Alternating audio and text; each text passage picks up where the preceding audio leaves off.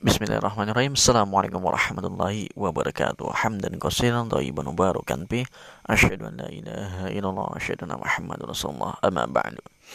Welcome back to my podcast Pria Petang.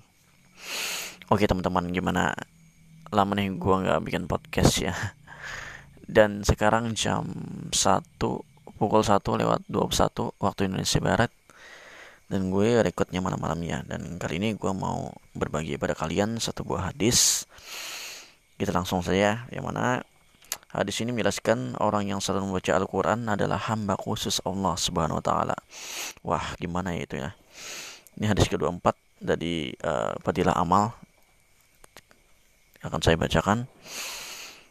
An Anas radhiyallahu anhu qala qala Rasulullah sallallahu alaihi wasallam inna lillah inna lillahi ahlina minan nas qalu man hum ya rasulullah qala ahlul qur'ani hum ahlulillahi wa khasatuhu dari Sayyidina Anas radhiyallahu anhu baginda Rasulullah sallallahu alaihi wasallam bersabda sesungguhnya Allah Subhanahu wa taala memiliki orang-orang khusus di antara manusia para sahabat radhiyallahu anhum bertanya Siapakah mereka ya Rasulullah? Beliau bersabda, yaitu ahli Al-Quran. Mereka adalah ahlullah, yaitu kekasih-kekasih Allah subhanahu wa ta'ala. Dan orang-orang istimewanya. Hadis riwayat Nasai, Ibnu Majah, Hakim, dan Ahmad. Faidah, ahli Al-Quran adalah orang-orang yang setiap saat senantiasa sibuk dengan Al-Quran. Mereka di diberi keistimewaan sebagai ahlullah dan orang-orang istimewanya sehingga jelaslah Allah Subhanahu wa taala akan senantiasa memperhatikan mereka secara khusus. Barang siapa yang setiap saat selalu memperhatikan diperhatikan oleh Allah Subhanahu wa taala secara khusus tentu akan menjadi kekasih-kekasih Allah Subhanahu wa taala dan menjadi orang yang istimewanya. Betapa tinggi kemuliaannya. Dengan sedikit usaha saja ia telah disebut sebagai ahlullah sehingga akan dimuliakan dengan keistimewaannya itu. Untuk untuk memasuk istana di dunia ini atau untuk menjadi anggota suatu majelis yang terhormat saja berapa banyak pengorban diri dan harta yang mesti dibuat. Meskipun harus dengan merendah dan menahan malu demi mengambil hati peserta sidang kita tetap menganggap itu suatu pekerjaan yang mulia. Sebaliknya, kita menganggap usaha untuk mendalami Al-Quran sebagai pekerjaan yang sia-sia.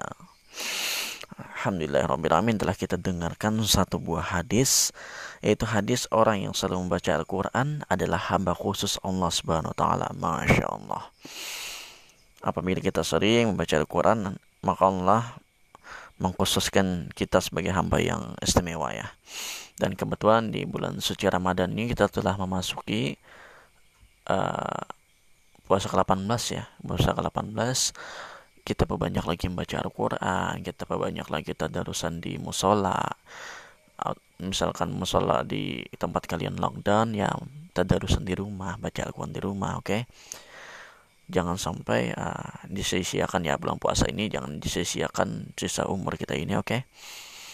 Dengan mendengar dengan mendengarkan hadis yang gue sharing malam ini sorry ya gue agak ngantuk ini tapi gue mau berbagi ya karena ini hal penting itu harus disampaikan harus berbagi pada kalian yang mendengarkan semoga kalian uh, menambah keimanan kalian mendengar hadis ini, menambah kecintaan kalian lagi kepada Al-Quran, menambah semangat kalian lagi membaca Al-Quran dan tingkatkan amalnya di bulan puasa ini, oke? Okay?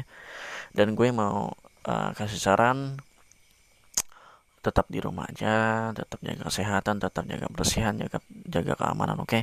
Kita bantu pemerintah untuk mengatasi pandemi ini. Semoga pandemi ini cepat selesai dan kita bisa lagi silaturahmi dengan teman-teman, dengan keluarga, dengan uh, masyarakat bahkan dengan yang alam sekitarnya oke okay?